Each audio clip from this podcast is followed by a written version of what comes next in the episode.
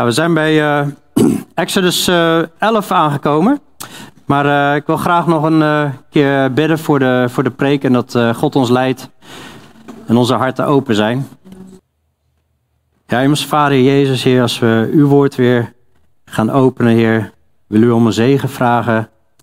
Heer, wilt u ons weer rijkelijk voeden, zegenen, Heer, als we ja, gaan horen over uw plannen en uw gedachten. Geef dat we ze niet alleen met het verstand zullen horen, maar ook met het hart. Heer, en dat we er ook iets mee zullen doen. Heer, wilt u mij echt uh, woorden geven, Heer. En uh, geven dat het tot opbouw van de gemeente mag zijn. In Jezus' naam. En wilt u ook degene die thuis via de stream meeluisteren, ook zegenen. En als ze misschien niet lekker voelen, Heer, hun ook kracht geven om te luisteren. Of als ze misschien weekend weg zijn, ja, ook daarin zegenen. In Jezus' naam, amen. Amen. Ik heb de titel van vandaag genoemd uh, Weg naar vrijheid. um, we zullen de, de tiende plaag bekijken, maar ook de instelling van het Pascha, het feest van de ongezuurde broden. En daarbij uh, ja, wordt eigenlijk de Exodus ingeleid, de uittocht. Waarbij, ja, wij vieren vandaag feest, hè, want ja, we bestaan vier jaar. Uh, heel veel christenen vieren wereldwijd uh, het Pinksterfeest, de Heilige Geest uitgestort. Misschien denk je van, uh, ja, waarom gaat het dan over het Pascha? Dat Pasen is toch een ander moment. Maar we zullen zien dat het Pinksterfeest echt gelinkt is in geestelijk opzicht aan het Pascha en het feest van de ongezuurde broden. Dus het Pinksterfeest komt nog wel langs. Maar wat ik zo mooi vind is uh, 1 Korinther 5 vers 8, die is de laatste tijd al vaker langsgekomen. Er staat, laten wij feest vieren niet met oud zuurdeeg, ook niet met zuurdeeg van slechtheid en boosaardigheid, maar met ongezuurde broden van oprechtheid en waarheid. En uh, nou, Onno heeft vorige week een uh, preek gegeven over zuurdeeg en over wat dat uh, allemaal inhoudt. Dus ik hoop dat iedereen die gehoord heeft, die hoort wel bij deze preek. Want ik ga vandaag niet heel diep in op het zuurdeeg. Maar uh, ja, dat, dat, dat komt hieruit, uit Exodus 11, en, uh, of vooral Exodus 12. Maar uh, ja, laten we beginnen met Exodus 11. De Heere had tegen Mozes gezegd, nog één plaag zal ik over de farao en Egypte brengen. En daarna zal hij u van hier laten gaan. Als hij u allemaal laat gaan, zal hij u van hier haastig verdrijven. Nou, dat is wel even andere koek dan laat mijn volk gaan. Nee, laat mijn volk gaan. Nee. haastig zal hij hun verdrijven. Nou, wat zal er dan gebeuren dat hij hun haastig zal verdrijven? Nou, dat wordt straks uitgelegd en we weten het eigenlijk al wel, maar eerst uh, krijgt hij nog wat anders te horen. Spreek toch ten aanhoren van het volk volk Israël, en zegt dat iedere man van zijn naasten, iedere vrouw van haar naasten zilveren en gouden voorwerpen moet vragen. En de Heere gaf het volk genade in de ogen van de Egyptenaren. Ook stond de man Mozes in het land Egypte in hoog aanzien in de ogen van de dienaren van de farao en in de ogen van het volk. God heeft Mozes verheven, genade gegeven, het volk genade gegeven na alle rampen en plagen. Wie is deze God? Moeten de mensen zich inmiddels afvragen. En je leest het zo even. Oh, mooi dat ze dan uh, spullen gaan vragen en zo. Maar ja, er gaat iets heel heftigs gebeuren. we zien in Psalm 78. En daar Israël die moest gedenken dat ze uit Egypte gehaald waren door God, maar dat waren ze vergeten na zoveel jaar. En dan worden ze nog een keer aan herinnerd. En in Psalm 78 worden de plagen nog een keer genoemd. En dat wordt dan beëindigd met God zond zijn brandende toorn op hen af. Verbolgenheid, gramschap, benauwdheid. Hij zond een menigte boden van rampen. In het Engels staat er: A company of destroying angels. Verderfengelen zijn er over het land Egypte gestuurd. Maar even dit, dit tussendoor van. Uh, ja, spreekt een eh, aanhoren van het volk en zegt dat iedere man van zijn naaste, nou, allemaal spullen, zilver en gouden voorwerpen moet vragen. Is vervulling, dit zijn vervullingen van profetieën. De profetie was al gegeven aan Abraham Al 400 jaar eerder. Toen zei God tegen Abraham: Weet wel dat uw nakomelingen vreemdelingen zullen zijn in een land dat niet van hen is. Zij zullen hen dienen en men zal hen 400 jaar onderdrukken. Maar ook zal ik over het volk dat zij zullen dienen recht spreken en daarna zullen zij met veel bezittingen wegtrekken. Daar heeft God het al gezegd, 400 jaar eerder. Maar ook toen God Mozes riep, zei hij nog een keer: En ik zal dit volk genade geven in de ogen van de Egyptenaren. En het zal gebeuren dat u, als u weggaat, niet met lege handen eh, gaat. Elke vrouw moet aan haar buurvrouw en aan haar huisgenoten zilveren en gouden voorwerpen vragen. En kleren die u, uw zonen en dochters te dragen moet geven. Zo zult u Egypte beroven. Nou, waarom zilver en goud? Dat is wel interessant, want later gaan we zien dat er dus allemaal metalen nodig zijn om het tabernakel ook te gaan bouwen. God is al met voorbedachte raden en zij hier zijn plannen aan het uitwerken. Maar die profetie gaat hier vervuld worden.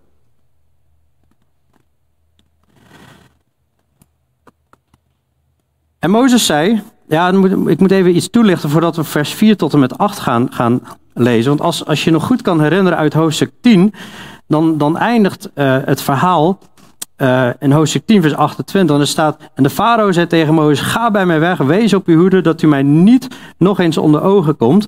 Want op de dag dat u mij onder ogen komt, zult u sterven. Mozes nu zei: U hebt juist gesproken, ik zal u niet meer onder ogen komen. Nou, en dan zien we eigenlijk in hoofdstuk 11, vers 8, dat uh, op het eind, die laatste zin. Toen ging Mozes bij Farao weg in brandende toorn. Dus hij staat ineens, het lijkt alsof hij toch weer voor de Farao staat. Maar ik geloof dat, hij, dat hier gewoon ingezoomd wordt op wat daar uh, besproken was toen hij voor de Farao stond. En dat dat over hetzelfde moment ging dat hij dan weggaat. Maar hoe dan ook, in vers 4, Exodus 11 vers 4. Mozes zei, zo zegt de Heer, omstreeks middernacht zal ik uittrekken door het midden van Egypte. En alle eerstgeborenen in het land Egypte zullen sterven van de eerstgeborene van de farao af, die op zijn troon zitten. Die op zijn troon zitten zou tot de eerstgeborene van de slavin, die achter de handmolen zit, en alle eerstgeborenen van het vee. We zien heel duidelijk dat God geen aanzien des persoons heeft. van hoge plaats tot gevangenen en tot het vee worden de eerstgeborenen getroffen. Er zal een luid geschreeuw zijn in heel het land Egypte, zoals er nooit geweest is en zoals ik nooit meer zijn zal. Maar bij alle Israëlieten zal nog geen hond zijn tong roeren tegen mens of dier. Die zal nog geen kik geven. Een hond zal nog, geen, nog niet eens bewegen. Zo zult u weten dat de Heer onderscheid maakt tussen de Egyptenaren en de Israëlieten. De Israëlieten zullen niet getroffen worden, maar er wordt wel een voorwaarde gesteld, gaan we straks zien. Dan zullen al deze dienaren van u naar mij toekomen, zich voor mij buigen en zeggen: Vertrek, u en al het volk dat in uw voetspoor gaat, en daarna zal ik vertrekken. Toen ging Mozes bij de farao weg in brandende toorn. Wat ik me heel goed voor kan stellen, want wat een ongelofelijke koppige man, dat hij zijn hele land laat vernietigen en nog steeds gewoon continu koppig is. En uh, ja, dat Mozes met brandende toorn vertrekt bij die farao. Maar is het nou eigenlijk wel eerlijk dat God iemand zo hard straffen, een land zo hard gaat straffen. Nou, als je um, wat verder terugbladert uh, naar Exodus 4, vers 22, daar is God nog in gesprek met Mozes en daar is hij hem aan het roepen. En dan zegt hij iets, hij zegt, hè, wanneer hij naar de farao gaat, dan moet u tegen farao zeggen, zo zegt de Heer, mijn zoon, mijn eerstgeborene is Israël. Daarom zeg ik tegen u: laat mijn zoon gaan, zodat hij mij kan dienen. Maar u hebt geweigerd hem te laten gaan. Zie, ik zal uw zoon, uw eerstgeborene, zal ik doden. Egypte is ongelooflijk wreed geweest naar de Israëlieten. Ze hebben ze ongelooflijk onderdrukt en mishandeld. Ze hebben hun baby's hebben ze gedood. En God gaat nu gewoon alles in het recht zetten. En sowieso hoeven wij God niet te bevragen. God is soeverein. Ik geloof dat God 100% heilig is, 100% rechtvaardig, 100% barmhartig, 100% liefde. En God weet wanneer het moment is aangebroken om zo een maatregel te treffen. En God toont hiermee ook zijn macht en zijn heiligheid. Vers 9 zegt, de Heer nu had tegen Mozes gezegd, de farao zal naar u niet luisteren, zodat mijn wonderen in, land, in het land Egypte nog talrijker worden. Mozes en Aaron hebben al deze wonderen gedaan voor de farao. Maar de Heere verhardde het hart van de farao, zodat hij de Israëlieten niet uit zijn land liet gaan. Dus hier is de aankondiging dat de dood, die gaat voorbij komen. Maar gaat de dood voorbij in die zin van, word je wel of niet getroffen? Dat is de grote vraag. En daar gaat Exodus 12 over. De Heere zei tegen Mozes en tegen Aaron in het land Egypte, hoofdstuk 12 vers 1, deze maand zal voor u het begin van de maanden zijn. Hij zal voor u de eerste zijn van de maanden van het jaar. Dus God zei, oh, wacht even, voordat jullie gaan vertrekken, voordat ik hier jullie uit ga leiden, voordat ik hier die laatste plaag ga laten komen over de Egyptenaren, beginnen we even eerst met een reset. We gaan een nieuwe kalender beginnen. Dit is, dit is het, de, de start van een, een nieuw begin. De maand zal voor u het begin van de maanden zijn. Het zal voor u de eerste zijn van de maanden van het jaar. Nou, dit is dus. Hier wordt op dit moment de religieuze kalender van de Joden ingesteld. Er was ook een civiele kalender, een, ja, een burgerlijke kalender, zeg maar. En op basis van die burgerlijke kalender hè, is, is het nu hier dat een, een, een nieuwe reset komt. en dat uh, zullen we later zien in hoofdstuk 13. Dat heet uh, de maand Abib. Later zal die, en wanneer Israël in gevangenschap nog een keer gevoerd wordt, de naam Nissan krijgen. Maar in ieder geval de eerste maand van het jaar. Een nieuwe kalender voor Israël. Wat we ook interessant vinden is dat onze kalender ook begint bij Christus. Dat is, niet door God ingesteld, maar uh, hier begint de kalender bij de slachting van het lam. En, uh, maar goed, het is, het, is, wel interessant dat allebei de kalenders uh, beginnen bij, bij het lam, om het zo maar te zeggen. Het geestelijke lam en hier het fysieke lam. Want het pascha is een lam wat geslacht gaat worden. En dan zegt hij vers 3, spreek tot heel de gemeenschap van Israël. Op de tiende dag van deze maand moet ieder voor zich een lam per familie nemen. Een lam per gezin.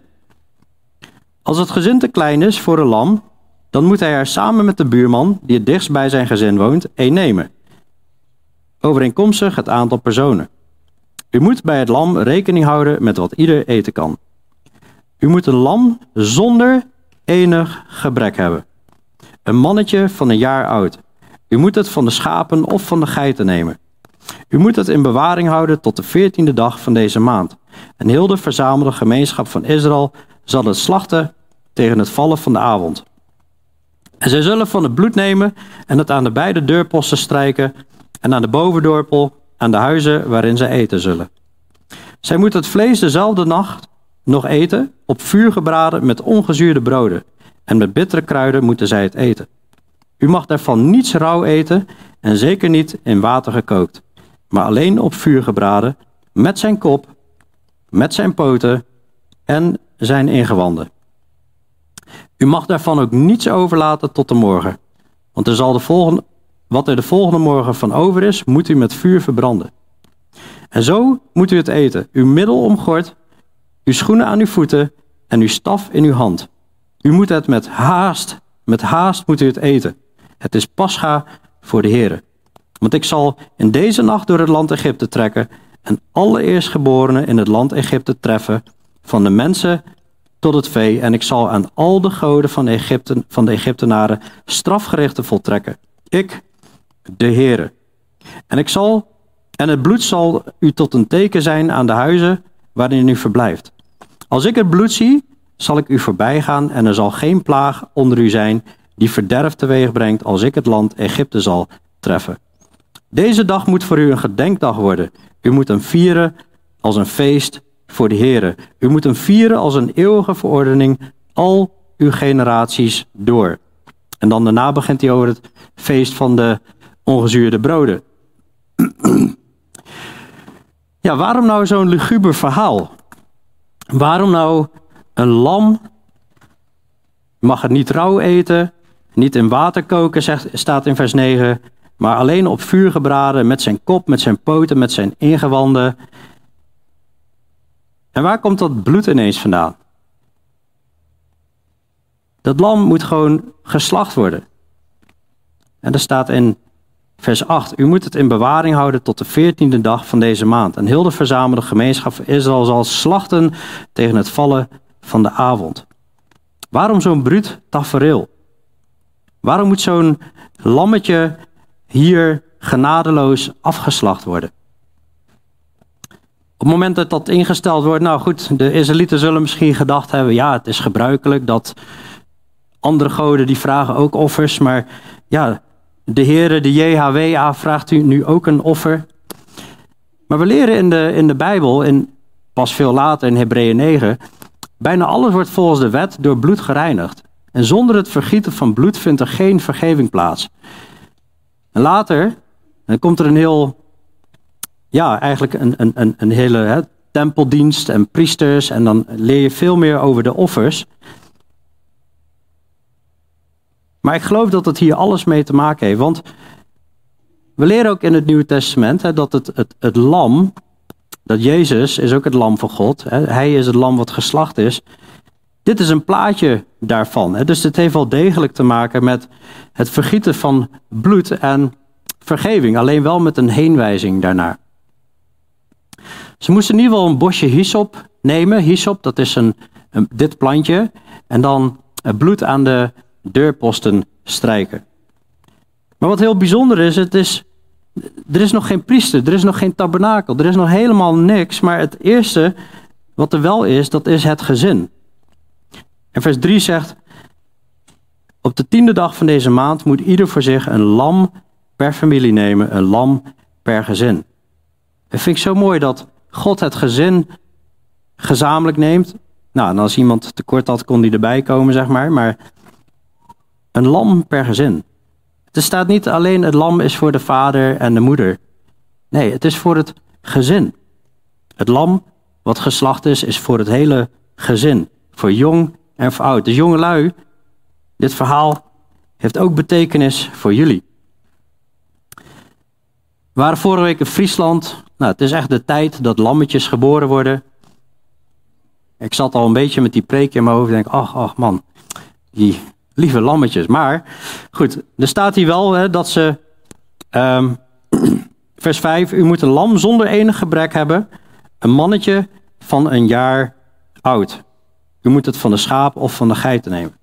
Dus het is niet als ze geboren worden dat ze meteen geslacht worden. Maar als ze ongeveer een jaar zijn, dan gaan ze lam, langzaam over van lam naar uh, schaap. Dat was het moment. Maar het is ook interessant. Ze moeten ze ze moeten het lam nemen op um, de tiende van de, de maand. Eh, de, de tiende dag van deze maand staat in vers 3. En dan pas op de veertiende van de maand staat er in vers 6. Dan moet het lam geslacht worden. Dus er was geen excuus om te zeggen. En, en wat voor lam moest het zijn? Er moest een lam, vers 5, zijn zonder enig gebrek. En we zullen later ook nog zien in hoofdstuk 12, vers 46. Er u mag er geen been ook van breken. U mag er geen been van breken. Maar het moet in ieder geval een lam zijn zonder gebrek. En we weten, het is een heenwijzing naar Jezus. Dus ik zal dat zo allemaal, allemaal laten zien. dit lam wat geslacht moet worden. het is ook interessant, toen Jezus gevangen genomen werd, toen, wat, hebben, wat hebben ze toen gedaan? Eerst kwam hij voor de Joden. Wat moesten ze doen? Allemaal, ze hadden valse getuigen nodig om hem schuldig te verklaren. Hij moest voor Pilatus komen. Hij moest voor Herodes komen. En wat zeiden ze allebei? Wij vinden geen schuld in hem. Dit lam moest vier dagen. Nou, eh, Jezus was dan niet vier dagen voor al deze mensen, maar dit lam moest vier dagen. Moest het bij het gezin zijn. En er moest een lam zijn zonder enig gebrek. Dus het kan niet achteraf zo zijn van, oh, hij blijkt toch een gebrek te hebben. Ja, ja, hebben we over het hoofd gezien. Nee, je hebt hem vier dagen bij je gehad. Overduidelijk kunnen vaststellen, is het een lam zonder enig gebrek.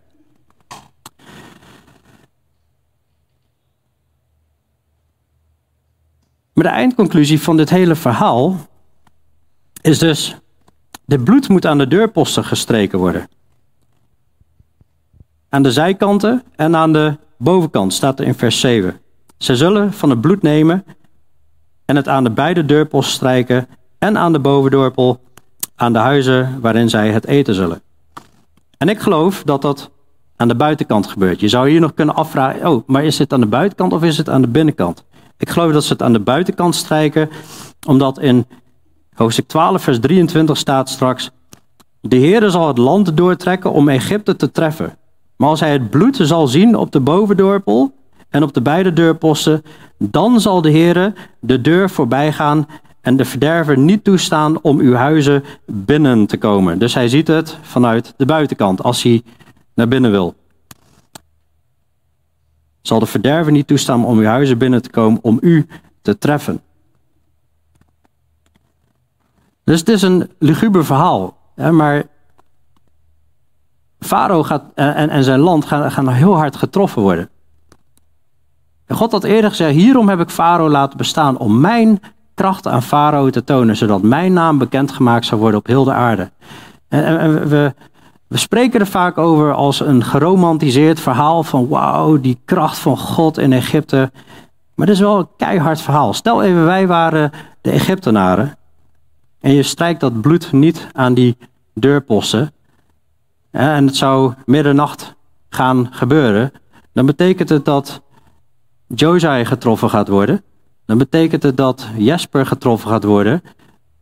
Kassier gaat getroffen worden. Um, nou, ga zo maar door. Man, dit, dit, is, dit is hartverscheurend wat hier gebeurt voor de Egyptenaren. Maar ze hebben de kans gehad.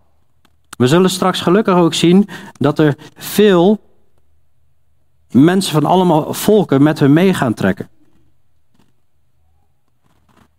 In het Engels heet het feest de Passover. En dat vind ik eigenlijk een mooie term, omdat ja, death will pass over. De, de, de dood zal voorbij gaan.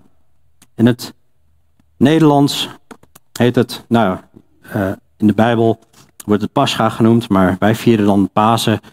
Maar goed, wij vieren opstanding, terwijl Pascha is eigenlijk juist de dood, uh, zeg maar, van het, van het lam. Maar in ieder geval, de Joden vieren dit feest nog steeds. Dit is eh, een van de zeven feesten voor de Israëlieten. Maar er is dus een connectie met het Nieuwe Testament. Dat heeft Onno vorige week al verteld. We gaan het zo ook hebben over feest van de ongezuurde broden. Maar in 1 Korinthe 5, vers 7 in het Nieuwe Testament wordt gesproken over verwijder het oude zuurdeeg. Nou, daar komen we zo nog op, op dat feest. Opdat u een nieuw deeg zult zijn.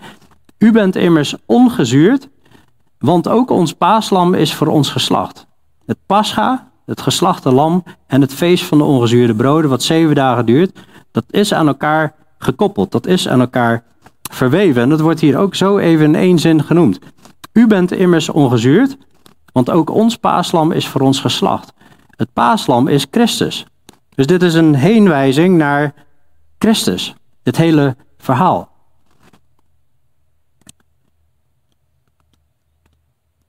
En dat hele idee van het lam, dat Jezus het lam is, dat komt nou echt op heel erg veel plaatsen voor. Ik ga ze niet allemaal noemen, maar een hele sterke, dat is in Johannes 1 vers 29. En dan is Johannes de Doper is zijn bediening begonnen. En de volgende dag zag Johannes Jezus naar zich toe komen en hij zei, zie het lam van God dat de zonde van de wereld wegneemt. Een hele duidelijke heenwijzing naar het lam. Maar ook Petrus spreekt erover in zijn brief. In 1 Petrus 1 vers 17 staat, als u hem als vader aanroept, die zonder aanzien des persoons naar ieders werk oordeelt, wandel dan in de vrezen des Heren gedurende de tijd van uw vreemdelingschap, in de wetenschap dat u niet met vergankelijke dingen, zilver of goud, vrijgekocht bent van uw zinloze levenswandel, van uw zinloze levenswandel die u door de Vader overgeleverd is, maar met het kostbaar bloed van Christus, als van een smetteloos en het onbevlekte lam. Jezus was smetteloos, hij was onbevlekt, niemand vond schuld in hem. En daarom moest dit een lam zijn zonder enig gebrek. en een lam waarvan de been niet gebroken mag worden. Wij weten dat Jezus' beenderen werden niet gebroken, maar van de misdadigers naast hem wel. Jezus is gestorven voor ons. Hij is het pascha. We zijn vrijgekocht met het kostbaar bloed van Christus. Als van een smetteloos en onbevlekt lam. En als op een gegeven moment uh, de discipelen het pascha gereed gaan maken, dan staat er, de discipelen deden zoals Jezus hen opgedragen had en maakten het pascha gereed. Dit is vlak voordat Jezus gekruisigd gaat worden. In Matthäus 26 vers 19. En dan in vers 26 staat, terwijl zij aten, dan waren ze al begonnen. Terwijl zij aten, nam Jezus het brood en toen hij het gezegend had, brak hij het en gaf het aan de discipelen en zei, neem, eet, dit is mijn lichaam. En hij nam ook de drinkbeker en nadat hij gedankt had, gaf hij hen die en zei, drink allen daaruit, want dit is mijn bloed, het bloed van het nieuwe verbond, dat voor velen vergoten wordt tot vergeving van zonde. Dus op het moment dat ze het pas gaan vieren, in combinatie met het feest van de ongezuurde broden, een ongezuurd brood was dus een brood wat niet aan het reizen was. Nou, Onno legt dat helemaal uit in, in de preek van vorige week. Dan neemt hij ineens neemt hij dat brood en hij breekt dat tijdens het pascha en hij stelt het avondmaal in. Hij breekt dat brood, het ongezuurde brood. En hij zei, neem, eet, dit is mijn lichaam. Want het zuurdeeg staat voor zonde en Jezus heeft geen zonde in zich. Jezus is ongezuurd. Daarom moeten wij ook ongezuurd zijn. Neem, eet, dit is mijn lichaam. En ik wil straks ook, na de preek wil ook met jullie het avondmaal vieren. Omdat we zo stilstaan bij het, het paaslam. Maar ook wat de kracht van de Heilige Geest hiermee te maken heeft. Het, het Pinksterfeest. Neem, eet, dit is mijn lichaam. Hij nam ook de drinkbeker en nadat hij gedankt had, gaf hij en die zei, drink alle eruit, dit is mijn bloed. Het bloed van het nieuwe verbond dat voor velen vergoten wordt tot vergeving van zonde. En wat gebeurt er op het moment dat je zonden zijn vergeven? Dan gaat de dood voorbij. Dus wat gebeurt hier? De joden, die moeten schuilen achter het bloed van het lam. En wanneer ze schuilen achter het bloed van het lam, wanneer dat aan hun deurpost is, wanneer dat op hun gezin is, dan gaat de dood voorbij. En zo is het ook wanneer wij schuilen achter het bloed van Jezus, achter het bloed van het lam van God. Dan gaat de dood voorbij. Dan worden onze zonden worden vergeven. Dan ontvangen we eeuwig leven. En ook al sterven in het lichaam, we zullen eeuwig leven met de Heer. Dan gaat de dood voorbij. En het is zeer waarschijnlijk dat Jezus mogelijk op of in ieder geval rond het Pascha ook gestorven is. Is discussie over, maar in ieder geval, het is in ieder geval in, die buurt eh, in de buurt geweest. En het was een voorbereiding van het Pascha, ongeveer het zesde uur. En Pilatus zei tegen de Joden, zie uw koning. Maar zij schreeuwden, weg met hem, weg met hem, kruisig hem. En Pilatus zei tegen hem, moet ik uw koning kruisigen? En de overpriesters antwoordden, wij hebben geen koning dan de keizer. En toen leverde hij hem dan aan hen over om gekruisigd te worden. En zij namen Jezus mee en leidden hem weg. En dus rond het Pascha is Jezus, het lam van God, is ook gewoon daadwerkelijk afgeslacht. Hij is verbrijzeld, zegt Jesaja 53, verbrijzeld om onze ongerechtigheden. We lezen in vers 9, u mag daarvan niets rauw eten en zeker niet in water gekookt, maar alleen op het vuur gebraden met zijn kop met zijn poten en zijn ingewanden. Alsof God hier een beeld geeft dat zijn Jezus moest volledig, hij moest volledig sterven. Alsof het vuur van God hem volledig, volledig op hem kwam. En ze moesten het ook in zich heel tot zich nemen. Als jij Jezus aanneemt, dan neem jij alles van Jezus aan. En niet alleen maar een stukje. In vers 10 staat, u mag daarvan ook niets overlaten tot de morgen. Als er iets over was, dan moest het in ieder geval met vuur verbrand worden. En het moest allemaal met haast moest het gegeten worden. Het is pascha, dit is voor de Heer. Het is het lam voor de Heer. Dit is voor God de Vader. Als verzoenmiddel voor onze zonde. Als verzoening tussen God en de mensen. Het is pascha voor de Heer. We zullen later ook nog zien het is het Pascha-offer in vers 27. Het is even een, beetje een druk plaatje, dat besef ik me. Maar ik leg hem heel kort uit, niet alles. Maar hier onderin zie je eigenlijk de zeven Joodse feesten, waarbij hier het eerste feest wordt ingesteld, de, het bloed aan de deurposten. En dan krijg je het feest van de ongezuurde broden. En hier zie je eigenlijk de naam van de zeven feesten die God ingesteld heeft. In Leviticus 23 heb je een heel overzicht van die uh, feesten. Maar in het Nieuw Testament komen dus geestelijke betekenissen terug. dus het Pascha, dat is Jezus die voor ons stierf.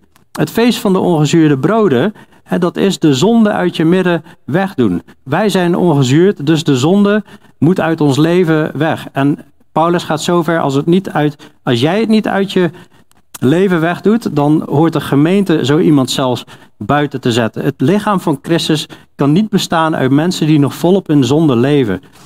En dan nou ja, heb je het, het, het, feest, uh, de Feast of the First Fruits, hè, de, de, de eerstelingen. En dat is dan uh, de, de opstanding. De eerste schoof komt uh, dan van het land en later meerdere van de oogst. En dat is dan het wekenfeest of de Pentecost. Hè. Dat, is, dat heeft dat is de uitstorting van de Heilige Geest. Maar die zijn verweven met elkaar. En deze zijn eigenlijk al vervuld of worden in, zijn nog steeds in vervulling aan het gaan. Hè. De Geest komt nog steeds op mensen die geloven, zeg maar. Maar de andere drie feesten die zijn nog toekomstig. Het feest van de bezuinen. Ik geloof dat dat gelinkt is aan de, de opname van de gemeente, wanneer bezuingeschal zal klinken. En dan heb je de grote verzoendag. In principe, wij zijn al verzoend, maar Israël zal nog in zich heel verzoend moeten gaan worden in zeven jaar grote verdrukking. En dan komt het feest van de, het loofhuttenfeest, waarin ze gedenken dat Israël eigenlijk 40 jaar in de woestijn was en, en in hutten leefde. Maar dat wordt ook in het duizendjarig vrederijk weer gevierd. Want Colossense 2 vers 16 zegt, laat niemand u veroordelen in zaken eten of drinken of op het punt van een feestdag, een nieuwe maan of de sabbatten. Deze zaken zijn een schaduw van de toekomstige dingen, maar het lichaam is van Christus. Wij lezen dit. Hier wordt de Pascha ingesteld, maar het Pascha is voor Israël. Wij hebben een nieuw verbond waarin wij niet die feesten hoeven te houden, maar het zijn heenwijzingen naar toekomstige dingen. Bijvoorbeeld de feestdag. Deze zaken zijn een schaduw van de toekomstige dingen, maar het lichaam is van Christus. Nou, wat betekent dat? Ik was laatst verstoppertje aan het doen met mijn kinderen. En uh, toen dacht ik uh, onder een hele brede boom met goed te kunnen, of uh, achter een brede boom goed te kunnen verstoppen. En dat was ook zo, alleen ik had niet goed naar de zon gekeken. Dus mijn schaduw, die was heel goed te zien op het pad. Dus ja, het was niet zo heel moeilijk om mij te vinden. Maar ja, hoe onderscheiden zij de schaduw van een boom of een schaduw van een mens? Ja, je ziet heel duidelijk contouren van een mens. En zo was eigenlijk in het Oude Testament, er worden die feesten gegeven. En je ziet de contouren van iets, maar het is nog niet helemaal duidelijk waar, waar wijst dat nou op. En dan komt Jezus en hij is de vervulling. Hij vervult al die feesten. Hij is het paaslam. Hè? Hij is het ongezuurde uh, brood. Nou, en zo is hij nog allemaal andere dingen aan het vervullen. Maar hij vervult ook profetieën. En hij vervult ook de wet. Hij zondigt niet. Hij kan hem compleet houden. Hij is in alles de vervulling. Dus het lichaam van Christus is er nu. Daarom hoeven wij niet meer naar die plaatjes te kijken. dat zou hetzelfde zijn als ja, wanneer ik op een lange reis ga en ik geef mijn vrouw een foto van mezelf. En ja, als ik weg ben, dan kan ze dan nog een beeld krijgen van mij van, uh, hoop ik, tijdens uh, dat ik op reis ben. Um, maar het zou toch raar zijn dat wanneer ik weer terugkom, dat ze ja, mij eigenlijk een beetje negeert. Maar ja, steeds aan die foto vast blijft houden. Nee, dan ben ik er. Dan is het lichaam van dat plaatje is aangekomen. En dat is precies wat het Oude Testament geeft ons allemaal plaatjes. Maar dan komt Jezus. Het lichaam is van Christus en die vervult al die dingen. Daarom volgen wij niet meer al die feesten. Nu zijn er wel feesten die we vieren, zoals Pinksteren en Pasen. En, uh, maar goed, dus soms maakt het ook een beetje kortsluiting in mijn hoofd wat christenen van gemaakt hebben. Want waar is het feest van de ongezuurde broden bijvoorbeeld? Uh, daar hoor ik eigenlijk niemand meer over. Terwijl dat wel echt een, een heel belangrijk uh, feest is uh, in, in, in, ja, in het Oude Testament, maar ook in het Nieuwe Testament.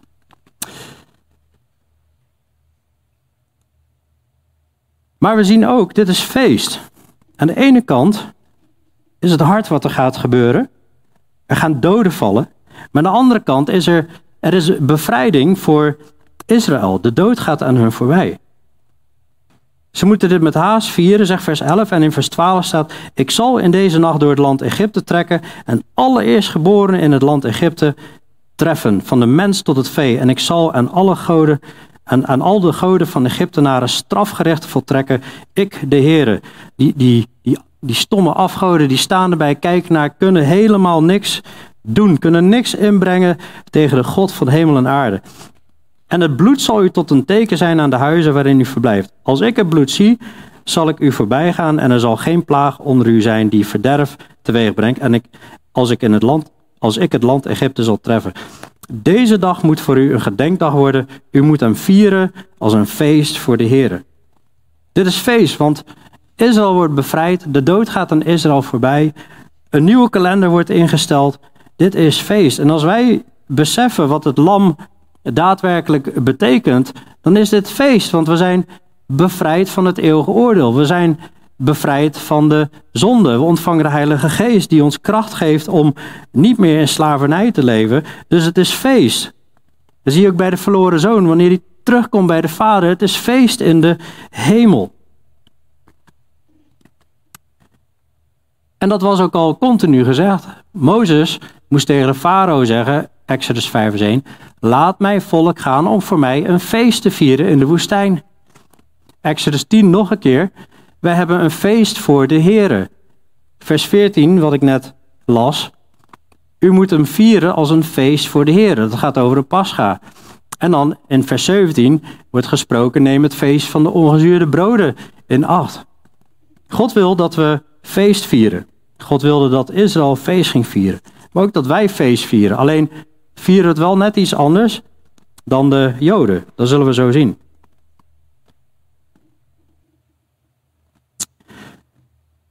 Nou, ik lees uh, eerst even een stukje vanaf vers uh, eh, 15.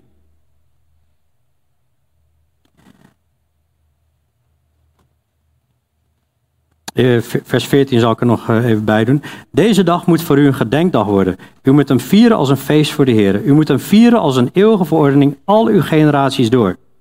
En dan ineens, zonder aankondiging, gaat hij meteen eigenlijk over tot het feest van de ongezuurde broden. Vers 15. Zeven dagen moet u ongezuurde broden eten. Meteen op de eerste dag moet u het zuurdeeg uit uw huizen wegdoen. Ik wil even dat woordje meteen heel sterk benadrukken. Ze moesten niet wachten.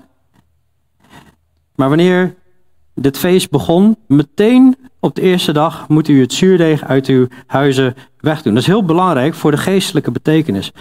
Want ieder die iets gezuurds eet, van de eerste tot de zevende dag, die persoon moet uit Israël worden uitgeroeid. Keihard. Waarom? Op de eerste dag moet er een heilige samenkomst zijn en ook moet u een heilige samenkomst hebben op de zevende dag. Geen enkel werk mag op die dag gedaan worden. Alleen dat wat door iedere persoon gegeten wordt, mag door u klaargemaakt worden. Neem dan het feest van de ongezuurde broden in acht, want op dezelfde dag zal ik uw legers uit het land Egypte geleid hebben. Daarom moet u deze dag in acht nemen als een eeuwige verordening al uw generaties door. In de eerste maand moet u ongezuurde broden eten vanaf de avond van de veertiende dag van de maand, tot de, dus wanneer het lam geslacht wordt, tot de avond van de 21ste dag van de maand, zeven dagen. Vers 19, zeven dagen lang mag in uw huizen geen zuurdeeg gevonden worden. Want ieder die iets gezuurd zal eten, die persoon moet uit de gemeenschap van Israël uitgeroeid worden. Of hij nu een vreemdeling is of een ingezetene van het land. U mag niets eten van wat gezuurd is. In al uw woongebieden moet u ongezuurde broden eten. Ja, misschien heb je zoiets van, ho, ho, ho, ho, ja, ja, ja, we snappen de boodschap wel. Eh, niets gezuurd eten, niks gezuurd eten, meteen wegdoen, niks gezuurd en nog een keer, nog. Waarom is hij hier zo aan het hameren op het feit, volgens mij vier of vijf keer, dat dat zuurdeeg weggedaan wordt en dat het meteen weggedaan moet worden? Nou, sowieso als God iets zegt, moeten we gewoon altijd meteen doen. Maar hij verwijst hiernaar. En hier heeft Onno het vorige keer uitgebreid over gehad. Verwijder dan het oude zuurdeeg, opdat u een nieuw deeg zult zijn. Het ging over iemand die in zonde leefde in de gemeente en daarin doorbleef gaan zonder zich te bekeren. Verwijder die. U bent immers ongezuurd, want ook ons paaslam is voor ons geslacht, Christus. Dat is die context. En dan zegt hij ook tegen ons, laten wij dus feest vieren. Niet met oud zuurdeeg, ook niet met zuurdeeg van slechtheid en boosaardigheid, maar met ongezuurde broden van oprechtheid en waarheid. Doe de kwaaddoener uit uw midden weg, staat er. Niet mee inlaten, niet mee eten. Feest vieren, niet met zo iemand, maar in oprechtheid en waarheid. Dat is bizar wat hier staat. En dan denk ik, ja, waarom gaat het toch zo vaak over die zonde? En vorige week ook, ging ook zo over de zonde. Maar man, ik ging echt met diepe blijdschap naar huis, naar de preek van Onno. Ja, het was hard. De boodschap over die zonde uit je midden weg doen. En als de persoon de zonde niet uit zijn leven wegdoet, dan moet de persoon met de zonde eruit. En ja, als wij dat niet doen, dan, eh, dat zijn we dus nu aan het bekijken in openbaring 2 en 3, dan komt Jezus zelf. En die beoordeelt de gemeente en dan grijpt Jezus in. En daar staat harde taal. Ik zal met het zwaard uit mijn mond, ik zal oorlog tegen jullie voeren. Hè? Maar is toch, het Nieuwe Testament is toch genade? Nou, lees het maar in openbaring 2 en 3. Toets maar of het waar is wat ik gesproken heb. Ik zal jullie uit mijn mond spugen. Dat gaan we donderdag bekijken. Mensen die alleen maar met welvaart bezig waren. Met rijkdom. God haat zonde. Maar weet je wat zo mooi is? Het is juist genade om die zonde uit je leven weg te doen. Want wat zegt Handelingen 3 vers 26? God, die zijn kind Jezus heeft doen opstaan, heeft hem eerst naar u, dat waren de Joden, gezonden, om u hierin te zegenen. Dat hij ieder van u zou afbrengen van zijn slechte daden. Want die slechte daden, die maken jouw leven kapot. Die maken het leven van jouw familie kapot. Die maken het leven van je collega's kapot. Zonde maakt levens kapot. En zonde leidt tot eeuwig oordeel. En bovenal, het maakt de relatie tussen jou en God kapot. En God wil ons zo graag zegenen. Daarom heeft God zijn kind Jezus gestuurd. Maar het kan toch niet zo zijn dat wanneer Jezus voor onze zonde gestorven is, dat wij zouden doorleven in de zonde. Dat kan niet. Dat is hypocriet. Dat is het werk van de fariseeën. Zuurdeeg weg. Nou, al die dingen. Ik heb hier plaatjes, ook geleend van Onno van vorige week. Het is een zegen om afgebracht te worden van je slechte daden. Het zuurdeeg, hè, dat was toevoegen aan Gods woord. Zuurdeeg van de fariseeën. Eh, afdoen aan Gods woord. Eh, zuurdeeg van Herodes, wereldgelijkvormigheid. Eh, filosofie of wereldse denkbeelden, onrechtvaardige oordelen. Hoe Herodes, nou, anyway, werelds, werelds feesten. Um, 1 Korinthe 5 spreekt over hoererij, slechtheid, boosaardigheid, hypocrisie of leugen, tegenovergesteld van oprechtheid en waarheid. Hebzucht, dan leren we dat dat afgoderij is. Afgoderij wordt ook genoemd in, in 1 Korinthe 5. Um, en dan leren we in de Bijbel, afgoderij is ook opstandigheid en tegenstreven. Of materialisme, dat is de mammon aanbidden. Uh, beeldendienst, boeddhisme, hindoeïsme. Maar ja, pak ook de islam er dan maar bij. Iets in je hart dat belangrijker is dan de God, de schepper van hemel en aarde. Lasteren, dronkenschap, diefstal. En misschien ontduik je belasting, of werk je zwart, of geef je btw niet op, of heb je koekje van je moeder gestolen. Ook heel iets kleins, maar het is allemaal diefstal. Dat moet echt niet meer gebeuren in ons leven. Maar de link naar het Pinksterfeest is, wij kunnen dit niet alleen. Het zuurdeeg moet uit ons midden weg. Maar wij kunnen dit niet op eigen kracht. En daarvoor is de Heilige Geest gekomen. Hij is de geest van de waarheid. Hij zal ons leiden in heel de waarheid. Hij is gelukkig ook de trooster. Hij helpt ons in moeilijkheden. Hij geeft gaven, maar hij wil ons ook leiden in heiligheid. Galaten 5 vers 13 zegt, u bent tot vrijheid geroepen, broeders. We zijn bevrijd, weg uit Egypte. Weg uit slavernij van de duisternis. Alleen niet, we zijn niet geroepen tot vrijheid die aanleiding geeft aan het vlees, maar dien elkaar door de liefde. Want de hele wet wordt in één woord vervuld, namelijk hierin: u zult uw naaste lief hebben als jezelf. En wel op de manier zoals God aangeeft natuurlijk. Maar als u elkaar bijt en verslindt, pas dan op dat u niet door elkaar verteerd wordt.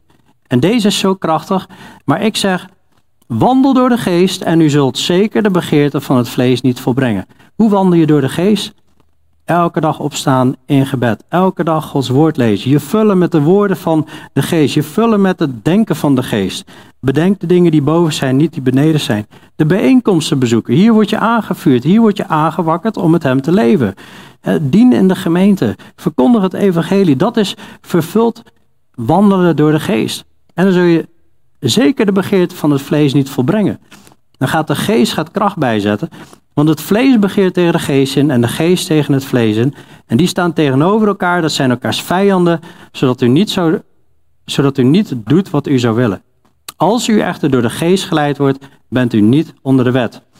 Het is bekend wat werken van het vlees zijn, namelijk overspel, hoererij, porneia in de grondtekst. Ik krijg het woord porno vandaan. Onreinheid, losbandigheid, afgoderij, toverij, vijandschappen, ruzie, afgunst, woedeuitbarstingen, egoïsme, oneenigheid, afwijkingen in de leer, jaloersheid, moord, dronkenschap, zwelgpartijen en dergelijke. Hij is nog niet klaar met zijn lijstje. Waarvan ik u voor zeg, zoals ik ook al eerder gezegd heb, dat wie zulke dingen doen, het koninkrijk van God niet zullen beërven. De vrucht van de geest is echter liefde, blijdschap, vrede, geduld, vriendelijkheid, goedheid, geloof, zachtmoedigheid en zelfbeheersing. Wat een kracht, wat een ander beeld dan wat we in de wereld zien. Maar zien we het ook in jouw leven? Zie je het in mijn leven? Wandelen we door de geest? Tegen die wandel, daartegen, en, en die vrucht van de geest, daartegen richt de wet zich niet. Maar wie van Christus zijn, hebben het vlees met zijn hartstochten en begeerten gekruisigd. Als wij door de geest leven, laten we dan ook door de geest wandelen. Laten we geen mensen met eigendunk worden en elkaar niet uitdagen en benijden. Dus met Pinksteren, wat vandaag dus gevierd wordt, kwam de Heilige Geest. En de Heilige Geest hebben wij nodig om heilig te leven. Zonder de Heilige Geest, probeer het maar, maar het gaat echt niet lukken. En dan zegt hij in 1 Korinthe 5 vers 8, laten wij feest vieren. En dan, waarin moeten wij feest vieren? Met ongezuurde broden van oprechtheid en waarheid. Dus als die vrucht van de geest naar buiten komt, dat is feestvieren. Dat ziet God als feestvieren en dat is voor ons ook feest. En Prediker 8 vers 11, en hierbij kom ik even terug naar de, uh, Exodus 12 vers 15, naar het meteen, meteen moet het zuurdeeg uit je midden Meteen wanneer je bewust bent van er is zonde in mijn leven, meteen eruit. Meteen. Want van het een komt het ander. Prediker 8 vers 11 zegt, omdat het vonnis over een slechte daad niet snel geveld wordt, daarom blijft het hart van de mensenkinderen in hen vervuld van kwaad doen. Het gaat van kwaad tot erger. Zonde is het ergste virus wat er is. Het is veel, veel erger dan het coronavirus. En het verspreidt zich heel erg snel. Oh, er valt hier zoveel over te vertellen. Ik ben net op dreef, maar ik moet al bijna weer gaan stoppen. Het is vers 21. Toen riep Mozes al de oudsten van Israël bijeen. En zei tegen hen, kies uit en neem voor uzelf klein vee voor uw gezinnen. En slacht het paaslam. Neem dan een bosje hyssop en doop het in het bloed dat in de schaal is en strijk het bloed dat in de schaal is, op de bovendurpel en op de deurposten. Maar wat u betreft, niemand mag de deur van zijn huis uitgaan, tot de volgende morgen. Want de Heer zal het land doortrekken om Egypte te treffen. Maar als hij het bloed zal zien op de bovendorpel en op de beide deurposten. Wanneer God het bloed van het lam ziet, dan zal de Heere de deur voorbij gaan en de verderver niet toestaan om uw huizen binnen te komen om u te treffen. Hou dit als verordening voor u en uw kinderen tot in eeuwigheid. Hou dit als een instelling. Doe dit elk jaar. En het zal gebeuren als u in het land komt dat de Heer u geven zal, zoals hij gesproken heeft. Dan moet u deze dienst in acht nemen. En het zal gebeuren als uw kinderen tegen u zullen zeggen: Wat betekent deze dienst voor u? Dan moet u zeggen: Dit is een pascha-offer voor de Heer. Dit is het lam wat geslacht wordt voor de Heer. Die in Egypte de huizen van de Israëlieten voorbij ging, toen hij de Egyptenaren trof en onze huizen bevrijdde. En dit is zo mooi. Toen knielde het volk en boog zich neer. Ik denk dat het echt is uit de vrezen des Heren. Ze hebben negen plagen gezien. Ze hebben gezien wat God kan doen. Nu komt de dood eraan. Maar ze zien ook de barmhartigheid van God. Dat als het bloed van het lam, als ze daarmee bedekt zijn, dan zal de dood voorbij gaan. Toen knielde het volk en boog zich neer. Het volk aanbidt.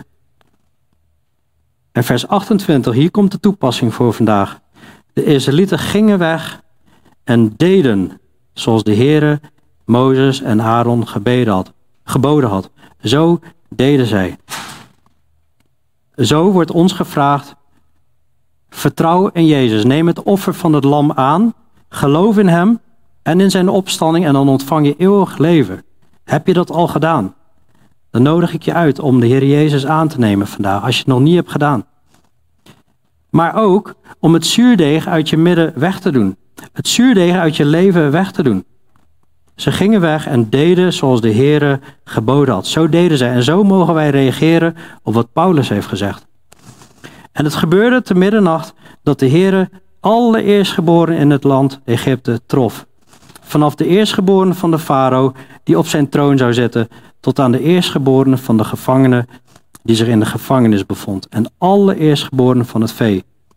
Toen stond de farao s'nachts op, hij en al zijn dienaren en alle Egyptenaren, en er was een luid geschreeuw in Egypte, want er was geen huis waarin geen dode was. En hij riep Mozes en Aaron in de nacht en zei: Sta op, ga weg uit het midden van mijn volk, zowel u als de Israëlieten. Ga weg. Dien de Heere zoals u gesproken hebt. Hij smeekt hem eigenlijk om te gaan. Neem zowel uw kleinvee als uw runderen mee, zoals u gesproken hebt, en ga heen. Maar zegen ook mij. In zijn gebrokenheid lijkt Farao hier te spreken. Lijkt hij mee te werken met God. Dien de Heere, zegen ook mij. We zullen zien als zijn ergste verdriet voorbij is, dat hij weer keihard zijn hart voor hart en achter Egypte, achter Israël aangaat. De Egyptenaren drongen sterk aan bij het volk om het snel uit het land te laten gaan, want ze zeiden: wij gaan anders allemaal sterven. Toen pakte het volk zijn deeg op, nog voor het gezuurd was. Hun baktroggen waren in hun kleren op hun schouders gebonden. En de Israëlieten hadden gedaan overeenkomstig het woord van Mozes en hadden van de Egyptenaren zilveren voorwerpen, gouden voorwerpen en kleren gevraagd. Bovendien had de Heer het volk genade gegeven in de ogen van de Egyptenaren, zodat zij hun het gevraagde gaven. Zo beroofden zij de Egyptenaren. Zo trokken de Israëlieten van Ramesses naar Sukkot, ongeveer 600.000 man te voet. Dit waren alleen de mannen, mannen alleen, vrouwen en kleine kinderen niet meegerekend. Dus waarschijnlijk met hun wel meegerekend een paar miljoen man. Ook trok een grote groep van mensen van allerlei herkomst met hen mee.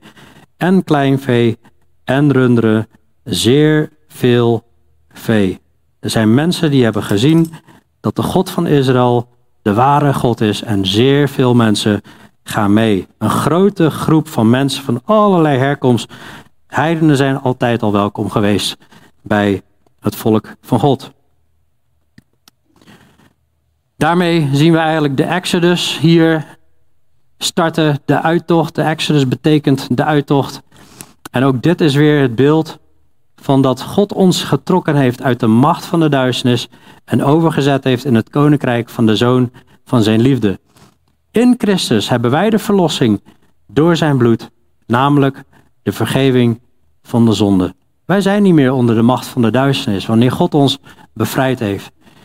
Maar zoveel mensen willen terug naar Egypte. Zoveel mensen willen weer terug naar de wereld. Terug naar die duisternis. Alsof die ons wat te bieden heeft. En dat is waarom God de Bijbel gegeven heeft. Om ons wakker te schudden. En ons wakker te houden. Ik wil uh, het hierbij laten. En dan gaan we volgende keer wel verder in Exodus uh, eh, 12. Um, ik wil ook meteen overgaan uh, tot het avondmaal. Hemelse Vader, Heer Jezus, wat een bizar verhaal. Hoe u zo bijna 1400 jaar voor Christus eigenlijk al ons proberen plaatjes gaf hoe wij, en voor ons nu om te begrijpen ja, hoe het evangelie werkt, dat u en bezig was Israël te bevrijden, maar tegelijkertijd ook bezig was om ja, beelden te creëren voor ons, zodat we het evangelie beter zouden begrijpen en beter zouden kunnen doorgronden. En Heer Jezus, ik wil u, ik wil u danken dat u zo voor ons gestorven bent, dat u afgeslacht bent. Verbrijzeld om onze ongerechtigheden, zodat de dood aan ons voorbij kon gaan. En dat u ons niet alleen hebt achtergelaten, maar de Heilige Geest aan ons gegeven heeft, zodat we heilig mogen leven. Zodat we door de geest mogen wandelen. En we weten dat het vlees nog trekt. En we weten dat we niet altijd sterk staan. Maar Heere, vul ons met uw geest. Geef ons de kracht, Heer, om door uw geest te leven. En het zuurdeeg uit ons midden weg te doen.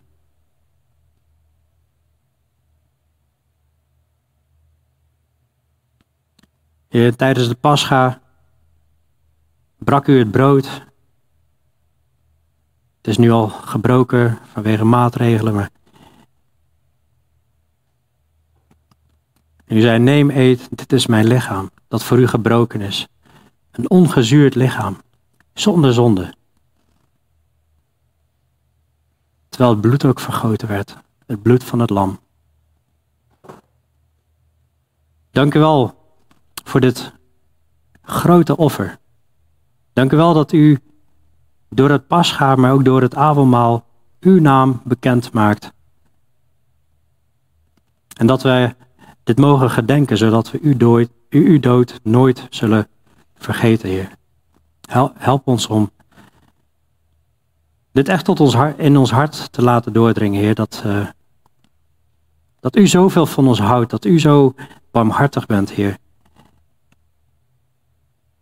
Vader, dank u wel dat u daarom uw zoon hebt gegeven. Zodat ieder die in hem gelooft eeuwig leven heeft. Dank u voor die grote genade. In Jezus' naam. Amen.